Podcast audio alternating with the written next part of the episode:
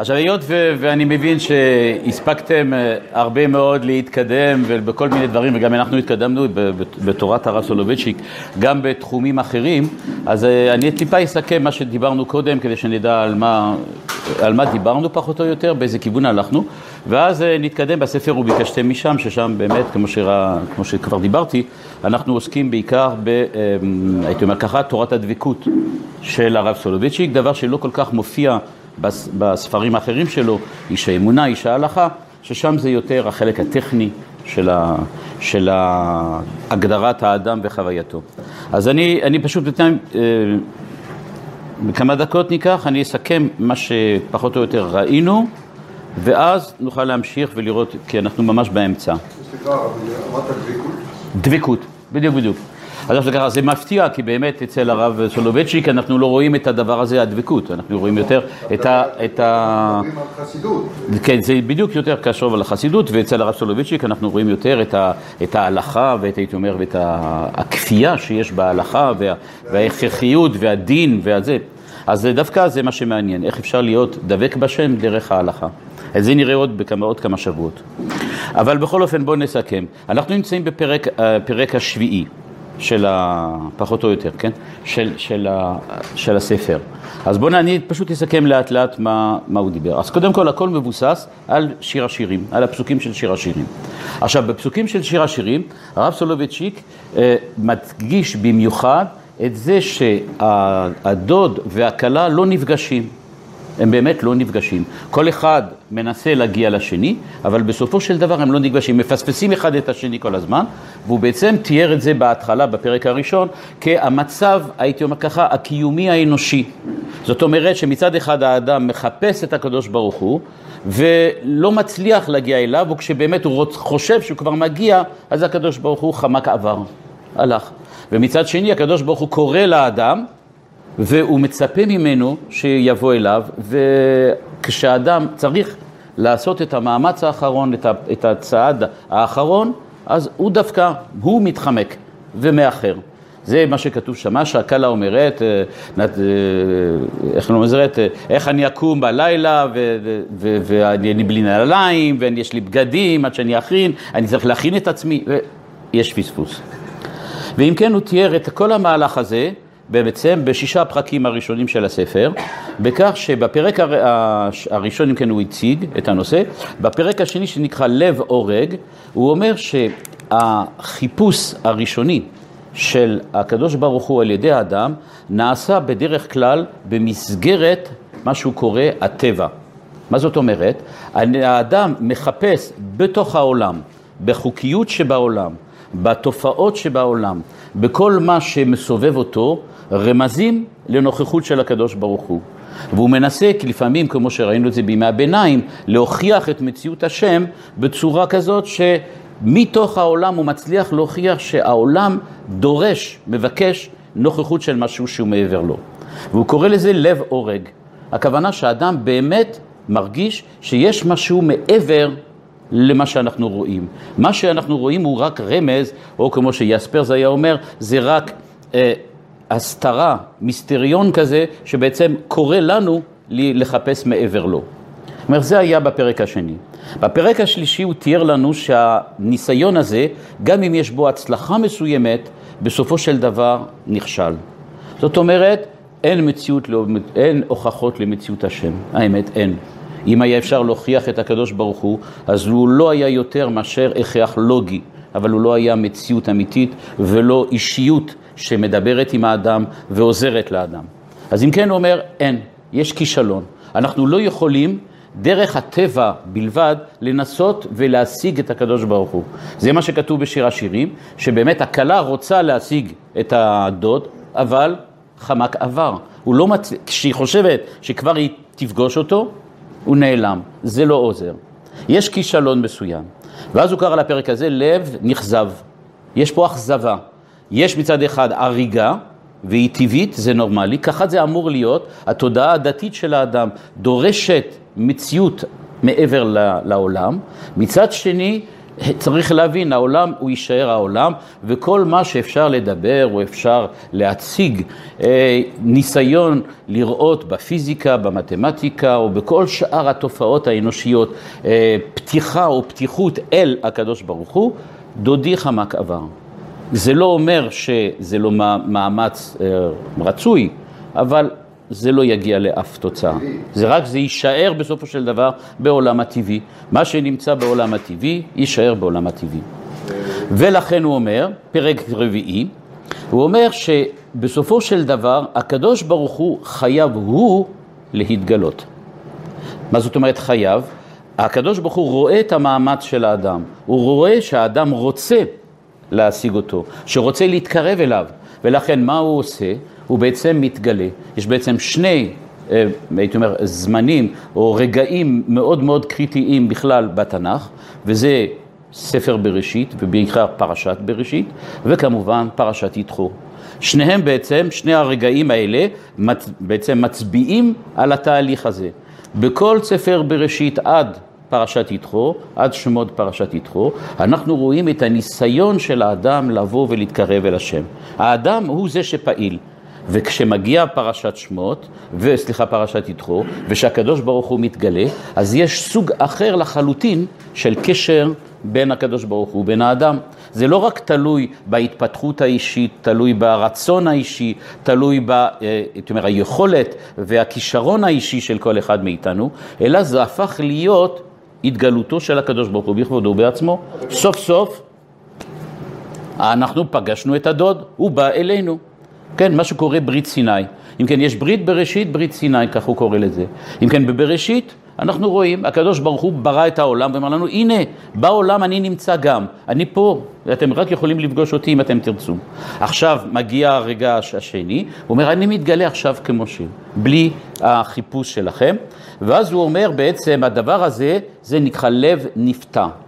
מה זאת אומרת לב נפתע? הליבד הרב סולובייצ'יק זה תמיד בא בהפתעה. סליחה? לב נפתע, מלשון הפתעה. הפתעה. עם עין בסוף, כן, כן, אני לא... והוא אומר, לב נפתע, ולכן הוא באמת, אה, הקדוש ברוך הוא מפתיע את האדם תמיד, ואני פה מדגיש, תמיד. זה לא שזה קרה ואנחנו לא ידענו שזה יקרה, אבל באופן שזה, בו, שזה קרה, אנחנו תמיד נמצאים בהפתעה, כי זה לא לפי הממד של ההכנה שלנו. כמה שאנחנו מתכוננים, כמה שאנחנו רוצים להיפגש עם הקדוש ברוך הוא, ההכנה שלנו היא תמיד במסגרת העולם, במסגרת הטבע, במסגרת הדברים שאנחנו צופים שיהיו. אבל הקדוש ברוך הוא פועל לפי ממדיו הוא, ולכן הוא מפתיע אותנו. הוא לא לפי הממד שלנו, הוא לא לפי ההכנה שלנו, הוא לא לפי, ה, הייתי אומר ככה, הציפיות שלנו. הוא מגיע והוא כופה את מציאותו עלינו. והכפייה הזאת היא לא תמיד נחמדה ולא תמיד, אה, הייתי אומר ככה, מחייכת, כי הוא כופה עלינו. הוא בא ואומר לנו מה אנחנו רוצים, ודיברנו הרבה על ה, בתחום הזה, הרב סולובייצ'יק דיבר הרבה על זה, שבעצם אה, האדם רוצה את הקדוש ברוך הוא לפי מה שהוא חושב שצריך להיות, והקדוש ברוך הוא לא תמיד בוחר בדרך הזאת. והוא עושה את מה שהוא רוצה לעשות, גם אם זה לא מתאים ולא, אה, הייתי אומר ככה, אה, תלוי בנו. כן. אבל מציאות הבורא בדור המדבר אה, מתנגשת עם ההנחה הזאת. ש? העם שהיה כל כך קרוב לאלוקים וראה ניסים במו עיניו, וראה את ה... כן. בכל זאת חטא. כן, כן, ודאי. זה לא אומר, וזה מה שאנחנו נגיע עכשיו, זאת אומרת, זה לא אומר שהתפיסה הראשונה נעלמה. זאת אומרת, זה בדיוק מה שאנחנו נגיע היום, ואנחנו נראה רק סיכום היום של, של כל מה שראינו, אה, זה לא אומר שזה, שזה נגמר שם, אלא מה שקורה זה שאחרי שאנחנו מופתעים מפני שהקדוש ברוך הוא בוחר להתגלות אלינו בדרך שלו, וכשהוא מתגלה בדרך שלו, מה בעצם מדובר? מדובר בעצם במעמד הר סיני, ושם בוא נגיד, אה, כחתונה זה לא החתונה הכי שמחה שאפשר לראות שם. הרי אנחנו ראינו איך בני ישראל בורחים משם, לא רוצים לשמוע אותו, איך הקדוש ברוך הוא פעם לא אומר אני אוהב אתכם, הוא לא אומר אני שמח להיות איתכם, הוא אומר לנו אנוכי השם אלוקיך, לא יהיה לך אלוקים אחרים על פניי, לא תרצח, לא תנף, לא תגנוב. לא בדיוק מה שאנחנו מצפים שחתן יגיד לכלה. אלא באמת במפגש הזה של שיר השירים, אומר לנו הרב אה, סולובייצ'יק, כשהקדוש ברוך הוא מגיע סוף סוף, זה בלשון של דיין, מידת הדין, מידת, ה, ה, מה הייתי אומר ככה, הפחד שהוא הוא, הוא משרה עלינו, והייתי אומר, ואת כל המהלך הזה של הלכות, דינים, מצוות, זאת אומרת, משהו שהוא לא קשור כל כך לדבקות בשם ולא קשור להריגה שהיו בפרקים הראשונים. זה נקרא לב נפתח. זה גם כן סוג של הפתעה. ואז באים שני פרקים שראינו אותם לא לאחרונה, אבל שסיימנו, שסיימנו לעסוק בזה. זה אחד שנקרא לב כוסף ומפחד ולב מפולג, שבעצם הוא, הוא תיאר לנו שהמפגש עם הקדוש ברוך הוא חייב לכלול את שני ההיבטים שדיברנו עליהם, את ברית סיני ואת ברית בראשית. הוא צריך להיות עדיין מורכב מזה. הייתי אומר את זה בצורה קצת יותר אה, פילוסופית. התודעה הדתית היא לא רק תודעה של כניעה מול האלוקים, ולא רק תודעה של הריגה אל האלוקים, אלא שילוב מתמיד של שני הדברים ביחד. הריגה ומצד שני כפייה. יש פה את שניהם ביחד, והוא בעצם מתאר את זה, ואומר שזה מה שמבחינה, הייתי אומר ככה, אה, התנהגות האדם, זאת אומרת חוויית הדת, וכן חוויית הדת מתחלקת עכשיו לשני חלקים, הייתי אומר, שווים בערכם. מצד אחד, פחד וחרדה מול הקדוש ברוך הוא, שזה קשור לסיני. הקדוש ברוך הוא כופה עלינו התנהגות, דורש מאיתנו הרבה מאוד, ויש עונשים שבאים על זה.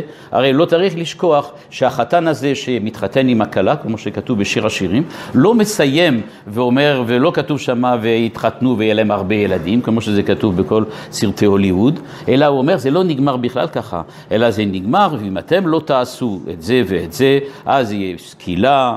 וכרת וזה וזה, זאת אומרת, לא, לא מדובר כך, אלא מדובר באמת בעונשים. לכן הוא אומר, מצד אחד, יש תחושה של פרה, פחד וחרדה, להיות קרוב לקדוש ברוך הוא, זה פשוט מפחיד, ככה אומר הרב סולובייצ'יק.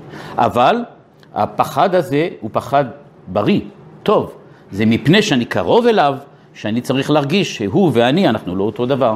אני לא מדבר עם הקדוש ברוך הוא כשאני מדבר עם הזולת. זה לא נקרא האחר עם א' כאילו זה מישהו אחר, אלא האחר מפני שהוא שונה לחלוטין מכל מה שאני מכיר. מצד שני, לא צריך לפחד לא כל הזמן, אלא צריך גם להרגיש את הביטחון של החיפוש אחרי הקדוש ברוך הוא, שעדיין צריך להישאר חי וקיים. אני עדיין צריך להרגיש את, ה, את ההתלהבות שהיה לי כשחיפשתי אותו ועדיין לא פגשתי אותו. אז אם כן הוא אומר, זה צריך להיות שניהם ביחד. מצד אחד תחושת ביטחון, ולכן הוא אומר, ביטחון ופחד, איך זה עובד? אז הוא אומר, הלב כוסף, מפחד. זה היה הפרק החמישי. ובפרק השישי, לב מפולג. אני נמצא בחוויה, הייתי אומר, קיומית מאוד מאוד מוזרה. אני מצד אחד, כל פעם שאנחנו נכנסים לבית הכנסת, אנחנו רוצים להביע את מה שיש לנו להביע מול הקדוש ברוך הוא. אנחנו רוצים לפנות אליו ושהוא יענה וירצה אותנו, ומצד שני אנחנו מבינים שלהיכנס לבית כנסת זה לעמוד מול, לפני, מול הקדוש ברוך הוא, וכמו שהיה כתוב בסידורים, מי שמכיר, בסידורים אה, שהיו בצרפת, היה, תחילת הסידור היה כתוב, דע לפני מי אתה עומד. אתה נכנס לבית הכנסת, אתה לא עומד מול אדם, דע לפני מי אתה עומד. ולכן הוא אומר, אתה צריך להבין את שני הדברים האלה ביחד. אתה בא להתפלל, זה ההריגה. הכיסופין לקדוש ברוך הוא. דע לפני מי אתה עומד. זה לא אדם, זה לא מלך, זה מלך מלכי המלכים. זה משהו הרבה הרבה מעבר לזה, וכמו שאומרים בחב"ד, אין ארוך. אי אפשר להשוות את זה אפילו עם שום דבר. לכן אנחנו נמצאים במצב הזה האמביוולנטי. מה שהוא יעשה בפרק ז' עכשיו, הוא יתאר לנו, הוא יסכם בעצם את שני המצבים האלה, את שתי החוויות, ובפרקים הבאים אנחנו נעבור לעוד שני שלבים.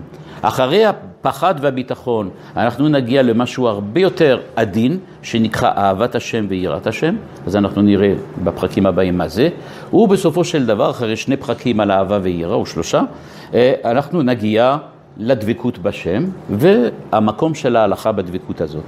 כן, זה המבנה של הספר.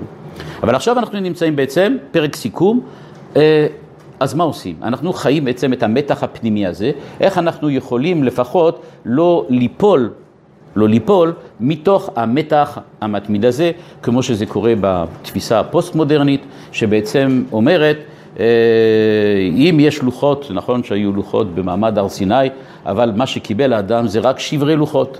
ואם כבר הגיעו רק שברי לוחות, כמו שאומר הספר המפורסם, אז אה, זה אומר שיש בעצם שבר מתמיד, זאת אומרת שלא קיבלנו מעולם שום דבר.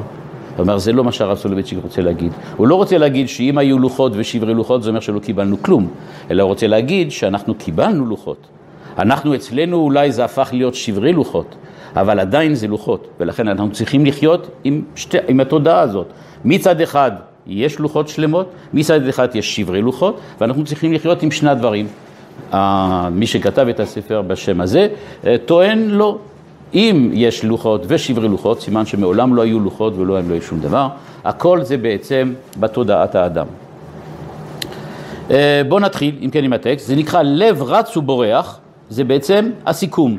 הסיכום של, ה, של, של כל הפרקים שראינו, בעצם כל הספר, של כל מהלך הספר, שבעצם אה, הצורך מצד אחד בפחד, מצד שני בביטחון. אז נתחיל לקרוא את זה, ותראו שזה מאוד פשוט. אה, הוא אומר, ההלכה שמחה את ידה על החוויה האנטיתטית הזו, גם ביטחון וגם פחד נחוצים לתודעת הדת. זאת אומרת, אי אפשר להיות דתי אם אין לך את הפחד, את ההלכה, את המצוות. מצד שני, אתה לא יכול להיות דתי אם אה, אין לך את ההתלהבות וההריגה והכיסופים. אתה צריך את שניהם גם יחד, אתה לא יכול לחיות בשני. אדם שהוא, הוא יסתער את זה יפה מאוד בהמשך, אדם שיש לו רק מצוות, אז הוא מקיים תורה, אבל אין לו הקדוש ברוך הוא לפניו. אדם שכל הזמן מדבר על כיסופין ואהבה והתלהבות ורוקד ברחובות ובגגות של המכוניות, אז יש לו בהחלט, יש לו בהחלט כיסופין לאלוקים, אבל אין לו חיים. הוא פשוט חי באיזה מין עולם דמיוני. אז הוא יתאר לנו את שני המצבים האלה. והוא אומר בשורה שתיים, אה, נשיאת עין לאלוקים מתוך ציפייה לשכר, כשרה היא. זאת אומרת, האם הקדוש ברוך הוא גם מדבר אליי בשפה שלי? האם הקדוש ברוך הוא גם שייך לעולם שלי? כשאני ניגש לבית הכנסת, האם בסופו של דבר אני יכול לחשוב על כך שהקדוש ברוך הוא שומע אותי ומתייחס אליי?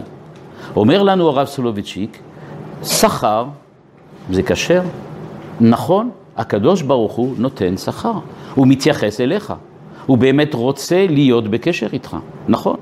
זה לא משהו, אה, הייתי אומר ככה, טריוויאלי כל כך, אלא באמת לקדוש ברוך הוא יש עניין בך, הוא באמת רוצה להיות איתך, ושאתה תהיה איתו. והוא אומר, גם מורא אלוקים בשל הפחד המרחף נחוץ לתודעה זו.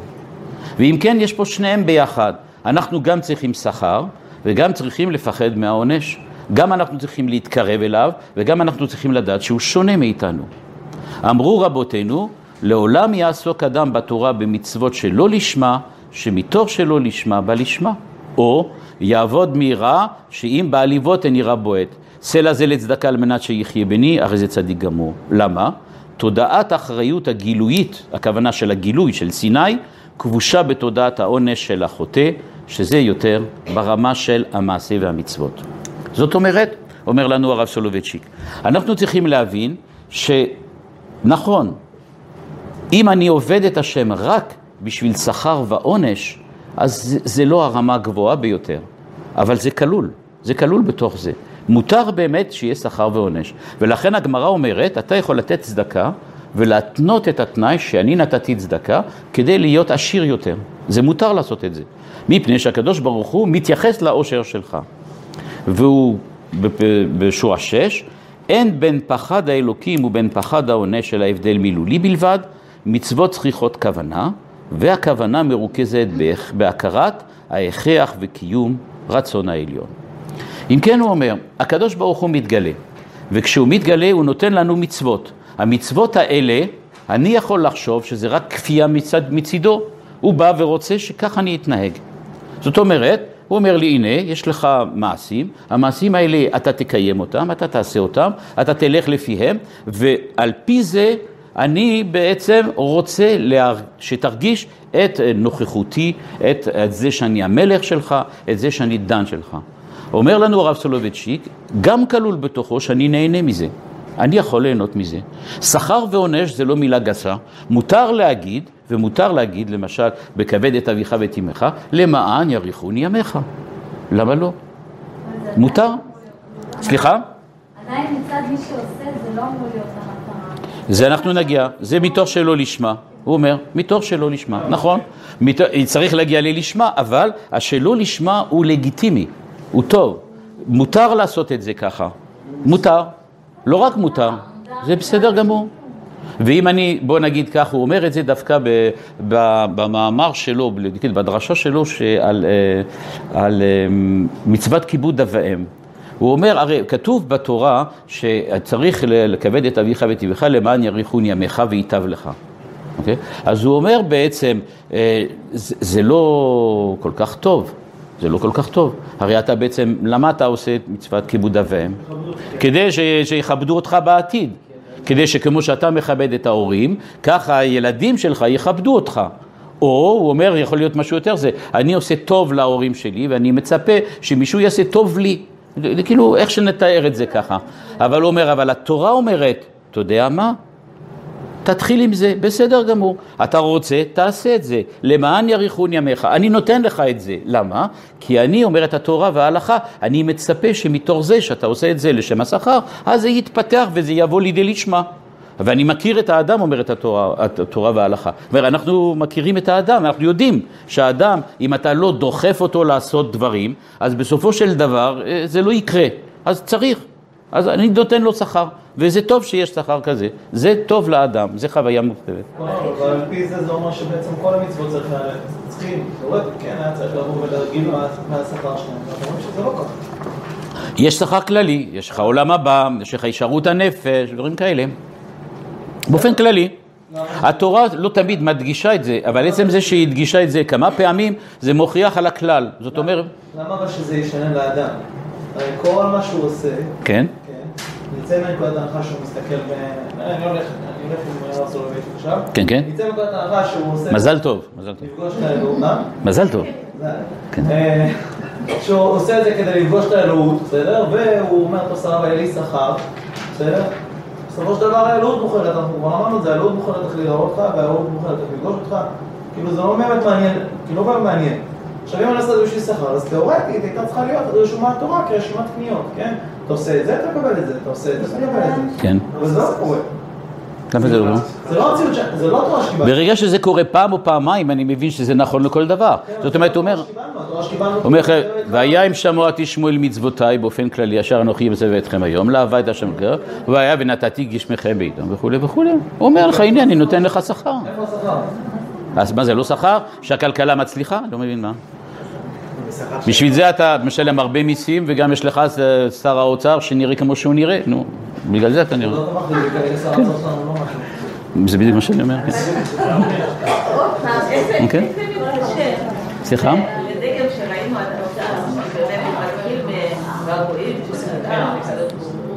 אולי היה מפגש מאכזב, אבל עדיין, פתאום איך הוא הפך לפרמטי כזה.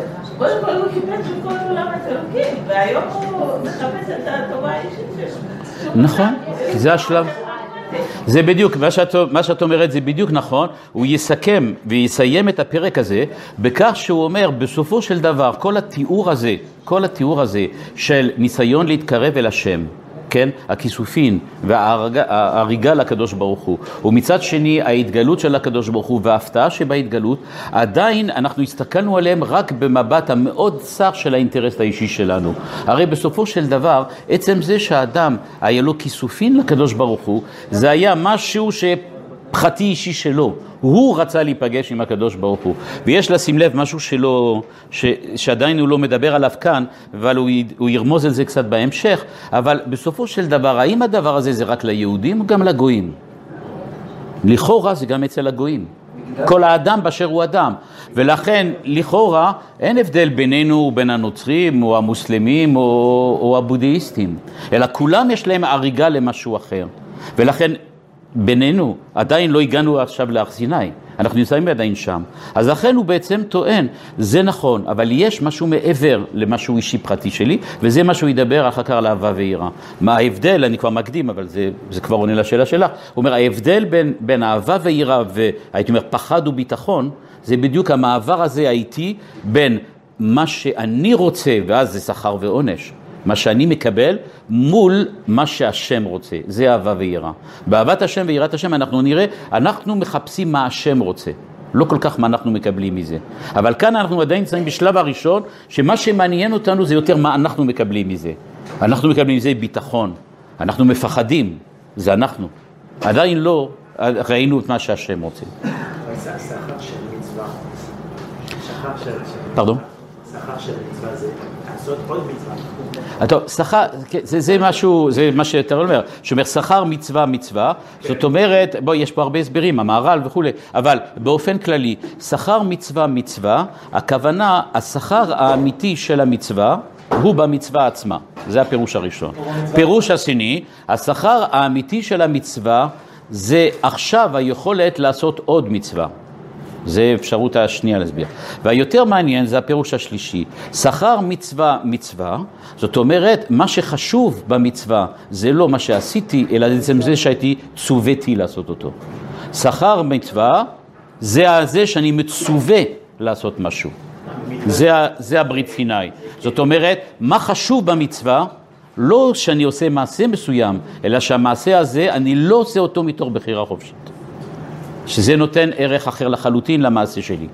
זה לא מתוך בחירה חופשית, כי אני מצווה בסופו של דבר. דל בבל. סליחה? דל בבל, זה גם אומר שזה גם, שלא רק היהודים מחפשים איזשהו מפגש, נכון? גם דל בבל לא התחיל עם, אני לא בטוח שכולם שם היו יהודים.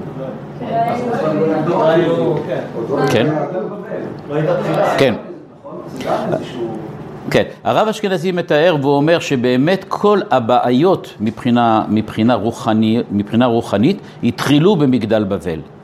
זאת אומרת שעד מגדל בבל ההתייחסות לקדוש ברוך הוא הייתה מאוחדת, זאת אומרת בזווית אחת בלבד, שהייתה זווית האחדות המוסרית.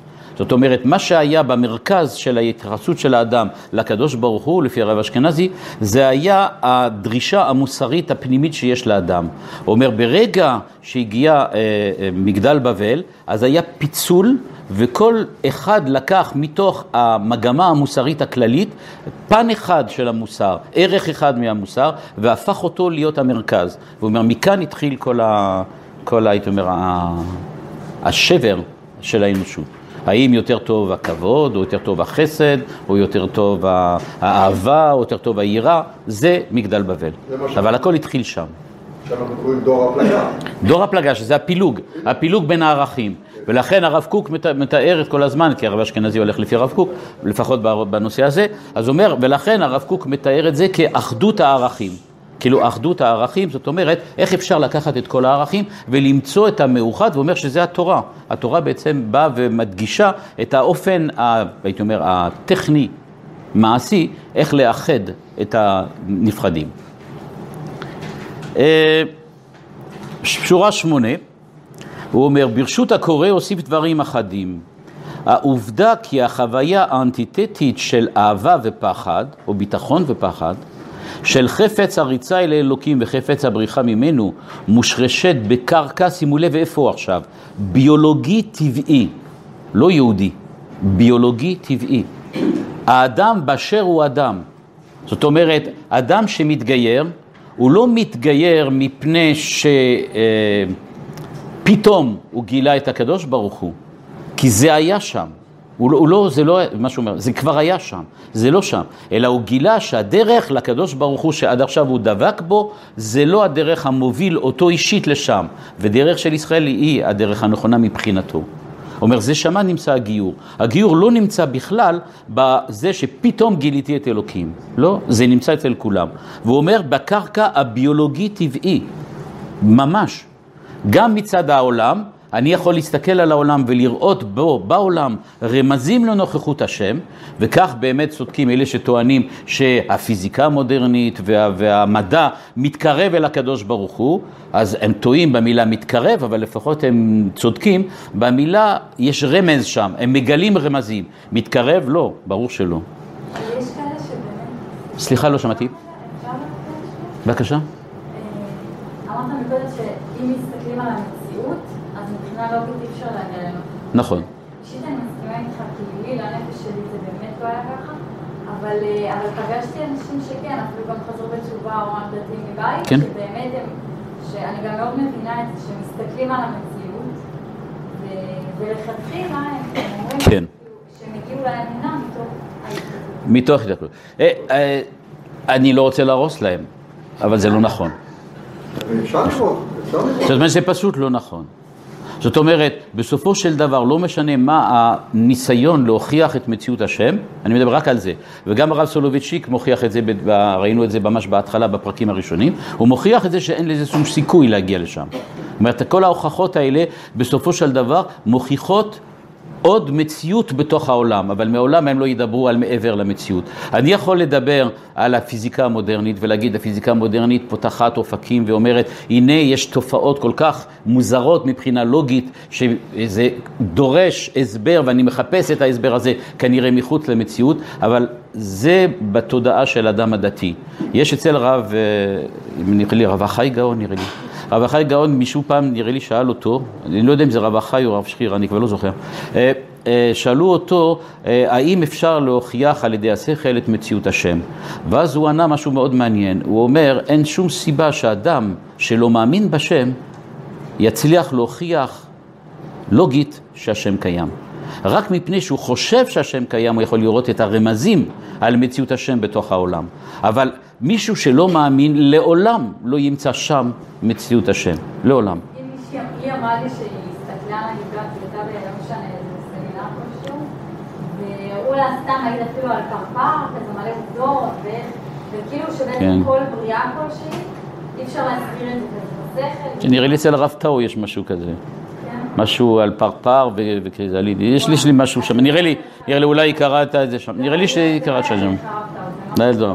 טוב, אבל בכל אופן, אני לא, בוא, קטונתי מלבוא ולהגיד, אבל בינתיים לפי מה שקראתי וראיתי, אה, מעולם לא ראיתי מישהו אחד שהצליח להוכיח את מציאות השם, וגם אני חושב שהניסיון הזה, לא רק להגיד שהוא ילדותי, כי אנשים גדולים וחכמים ממני בהרבה ניסו ועשו וכתבו, הרמב"ם ואחרים, אבל בסופו של דבר ניתוח, אה, ניתוח לעומק של מה שהם אומרים, או מגלה אמונה קיימת כבר לפני כן, למשל אצל הרמב"ם, למשל אצל קאנט, אצל אחרים, זאת אומרת, היה כבר אמונה בשם, ובעצם ההיסק הלוגי הוא לא היה לוגי לחלוטין, אלא באיזשהו שלב האמונה באה ואומרת, אני כל כך קרוב שאני מוכן לעבור מעבר ללוגיקה ולהגיד שהנה, פגשתי את השם.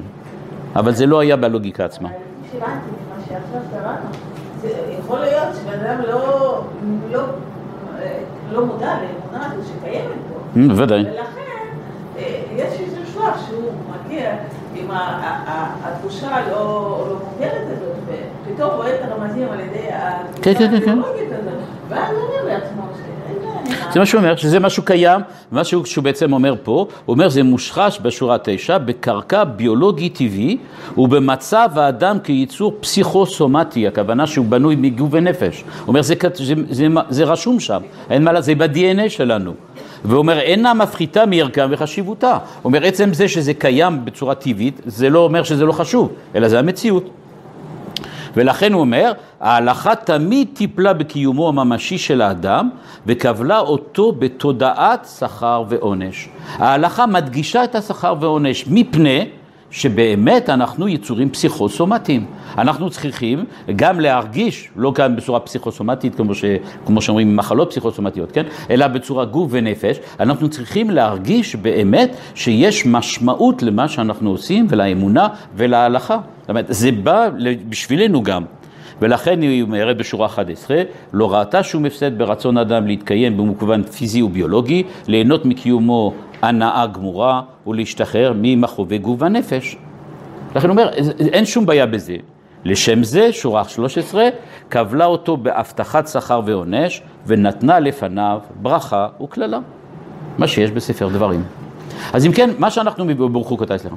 אז אם כן הוא אומר, מה, מה שיש שם, אם כן, מה שיש שם, אם כן הוא אומר לנו, אנחנו צריכים להבין שהדיבורים על שכר ועונש, למרות אה, כל זה שאנחנו היום רואים אותם בדרך כלל כמשהו ילדותי, משהו לא נורמלי כמעט, מפני שאנחנו אומרים למה הקדוש אדם עושה את מה שהוא עושה בגלל שיקבל שכר או יקבל עונש, יהיה לו עולם הבא או יהיה לו גיהינום או משהו כזה, זה נראה לנו טריוויאלי מדי, פשוט מדי בשביל, ה... בשביל עמך, לא בשביל אדם שבאמת רוצה לחשוב.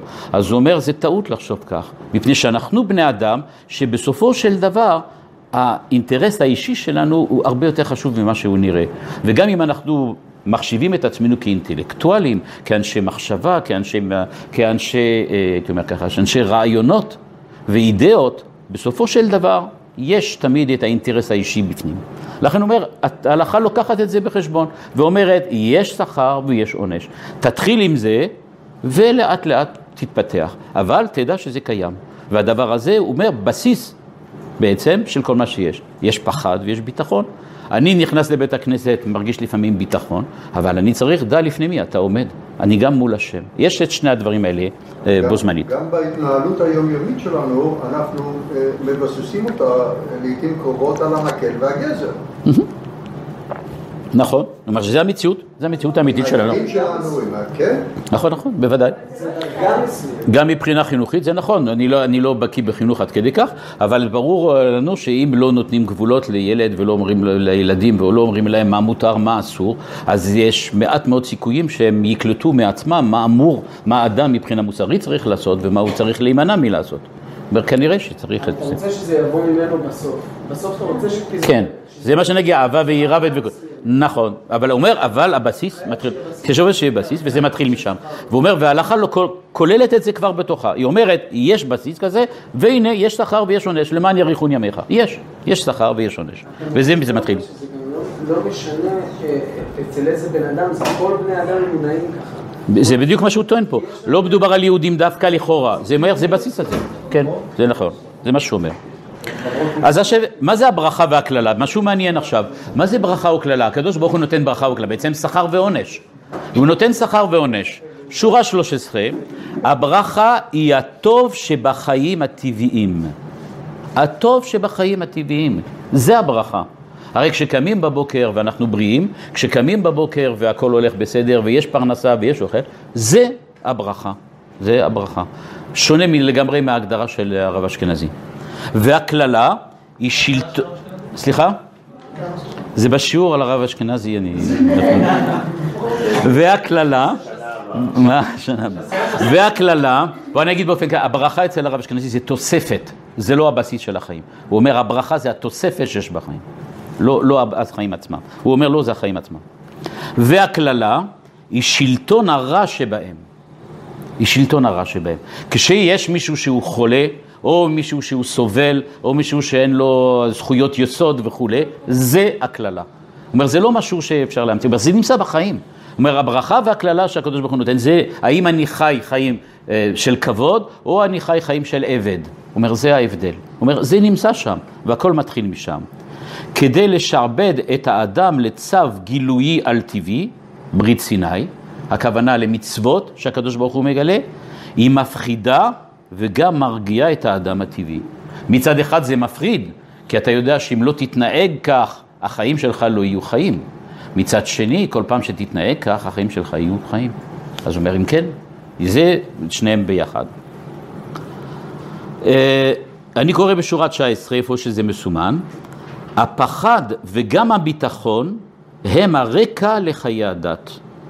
בלעדם כל עניין של דתיות לא יכול להתקיים.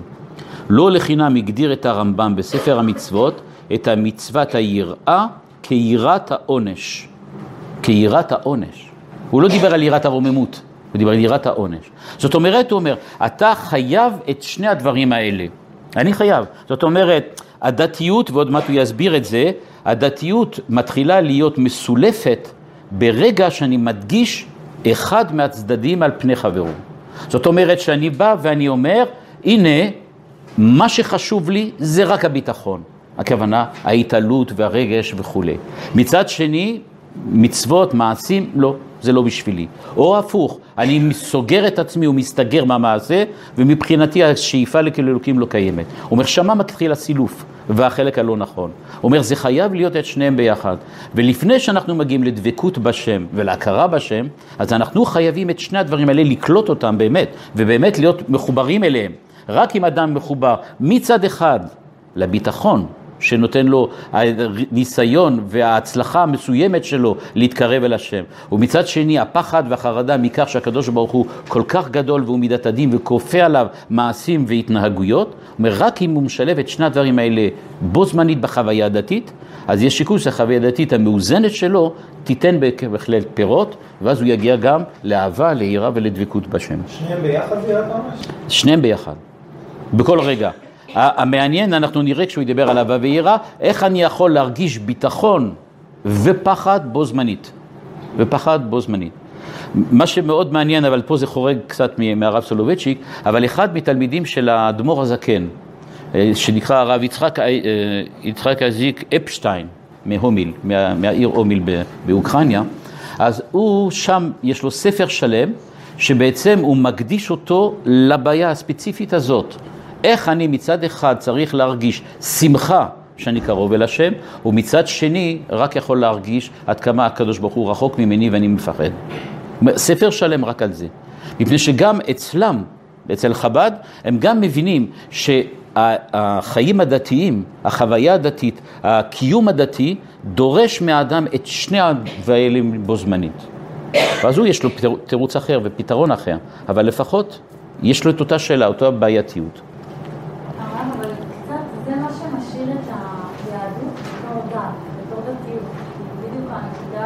דתיות את מתכוונת מעשית, כאילו עם מעשים? דתיות... כי אצלו זה שניהם. זה לא אלוקות, שזה משהו קצת אחר. זה דת ולא אלוקות, זה לא בדיוק אותו register, אני לא יודע בדיוק מה. אלוקות זה אלוקות, דת זה דת, זה לא... זה לא... כן, הדת זה מאוד כאילו, בדיוק החוקיות, היא מדברת על חוקיות, זה לא זה? משהו מצומצם. אה, יש דוגמה יש דוגמה אצל חב"ד מאוד יפה, אני אגיד לך דוגמה של חב"ד, שאי אפשר להגיד שהם לא, מכיר, לא יודעים מה זה דבקות בשם ואהבת השם. יש דוגמה אצל חב"ד מאוד יפה, שמלך אה, מבקש שיביאו לו אה, כוס מים, כי הוא צמא. ואז יש על ידו אחד מהשרים הכי בכירים שלו, שמכיר את המלך מילדותו, שיודע מי הוא ומכיר את ערכו ומכיר את תכונותיו ומכיר את כל החיים שלו, והוא כל כך מעריך את אותו מלך וכל כך אוהב אותו וכל כך אה, מרגיש אותו, זה שהוא מבין ש... הוא עכשיו משרת בעצם על ידי זה שהוא מביא לו את הכוס מים, הוא משרת אדם משכמו ומעלה.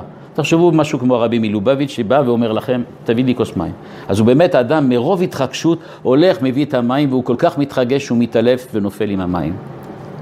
ואז אותו מלך בעצם לא בדיוק מבין מה הולך, אבל הוא אומר למישהו אחר, שהוא סתם ככה, הוא אומר לו, תביא לי כוס מים, אז ההוא הולך, מביא לו כוס מים. ואז אומר, אומרים בחב"ד, מי באמת קיים את רצון המלך? זה שיש לו אהבה ויראה והתלהבות והכרה וכולי, אבל הוא לא מסוגל להיות על יד המלך, או זה שפשוט הלך והחזיר את לו את הזה. אז הוא אומר, מעשי המצוות הפשוטים האלה, הדתיות הזאת, הוא אומר, זה הדרך הפשוטה לבוא ולעשות מה שהמלך רוצה. השם רוצה את זה, תעשה את זה. הוא אומר, ההתלהבות וכל הדברים האלה זה נחמד, אבל רק אם אתה בסופו של דבר נותן לו את הכוס מים. ולא נשאר מאולף על הרצפה. צריך גם את זה וגם את זה. זה מה שהוא, זה בדיוק מה שהוא אומר, צריך גם את זה וגם, אבל הוא אומר צריך את שניהם. אבל הניסיון הזה להעדיף את החלק ההתרגשותי, אז הוא אומר זה נכון, אבל אה, זה לא נותן פתרון, זה פשוט לא מביא לפתרון. אה, שורה 24, הוא אומר, שוב, הפחד בוקע ועולה מתוך מעמקי הטבעיות והחיוניות שבאדם. מתוך תהום הרציות השואפות לקיום פיזי ממשי, פחד אטום זה מביא את האדם לידי עליית פלא לדרגה איש הרוח והחזון. אם תבקש לעוונותיי, אברח ממך אליך. כל הזמן בחב"ד מזכירים את זה בחסידות. אני אברח ממך אליך.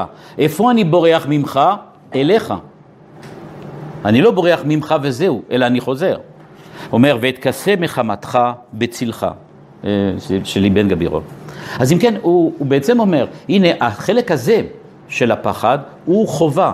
והוא אומר את זה למה? כי כמובן הוא אה, הרבה יותר מדגיש את החלק ההלכתי, את החלק של המצוות, ולכן הוא אומר, זה נכון שזה מפחיד, זה נכון שזה מפחיד, וזה נכון שהשכר והעונש הזה הם לא תמיד, נגיד, מביאים לנו מספיק כוח כדי שאנחנו נעשה את המעשה הנכון, והפחד מהעונש לפעמים לא מספיק, אנחנו מספיק מפחדים, והמשיכה של השכר לא תמיד מושכת אותנו, ולכן אנחנו לפעמים מפספסים, אבל הוא אומר, אנחנו צריכים לדעת שיש את זה, וכמו שהוא אומר, אברח ממך אליך. אם אני מפחד, זה כדי להיות קרוב אליך יותר, לא כדי לברוח ולהיעלם. זה קשור בדיוק, זה משק רבה, כן, רצו ושוב שבספר יחזקאל. זה מאוד מעניין, אה, אה, אה, אפשר לברוח ממך ואלך, ו- או ממך ואליך. ואליך, זה מה שאומר אבן גבירול, כן. זה בדיוק אותה- מילה. כן, כן, כן, זה מה שהוא בעצם אומר, הוא אומר, אברח ממך אליך. זה, זה אני. והוא מוסיף את זה, ואת כסה מחמתך, איפה? בצלך. אומר, איך אני מתכסה ממך? אצלך. לא שאני בורח, אלא הכיסוי, הפחד, זה הקרבה. זה הדרך ש... שהוא אומר. איפה? ב... שורה... אה, 26, פחד התוזים מפני אדם לידי עליית פלא. זאת אומרת, הוא אומר, הפחד הזה, אברח ממך, זה בסופו של דבר מה שמאפשר לך להיות אליך. ככה לפי, ה, ככה לפי אבן גבירול. זאת אומרת, ה- אני בורח ממך, אבל הבריחה האמיתית מהפחד, הבריחה האמיתית מהפחד, זה כשאני מבין שהפחד הזה יוצר אצלי דבקות בשם וקרבה אליך. זה מה שאומר זה. מה? זה שלב, צריך לעבור אותו, בהחלט, זה שלב שצריך לעבור אותו. סליחה? רוב האנשים שהם בורחים הם בורחים. כן, נכון, נכון.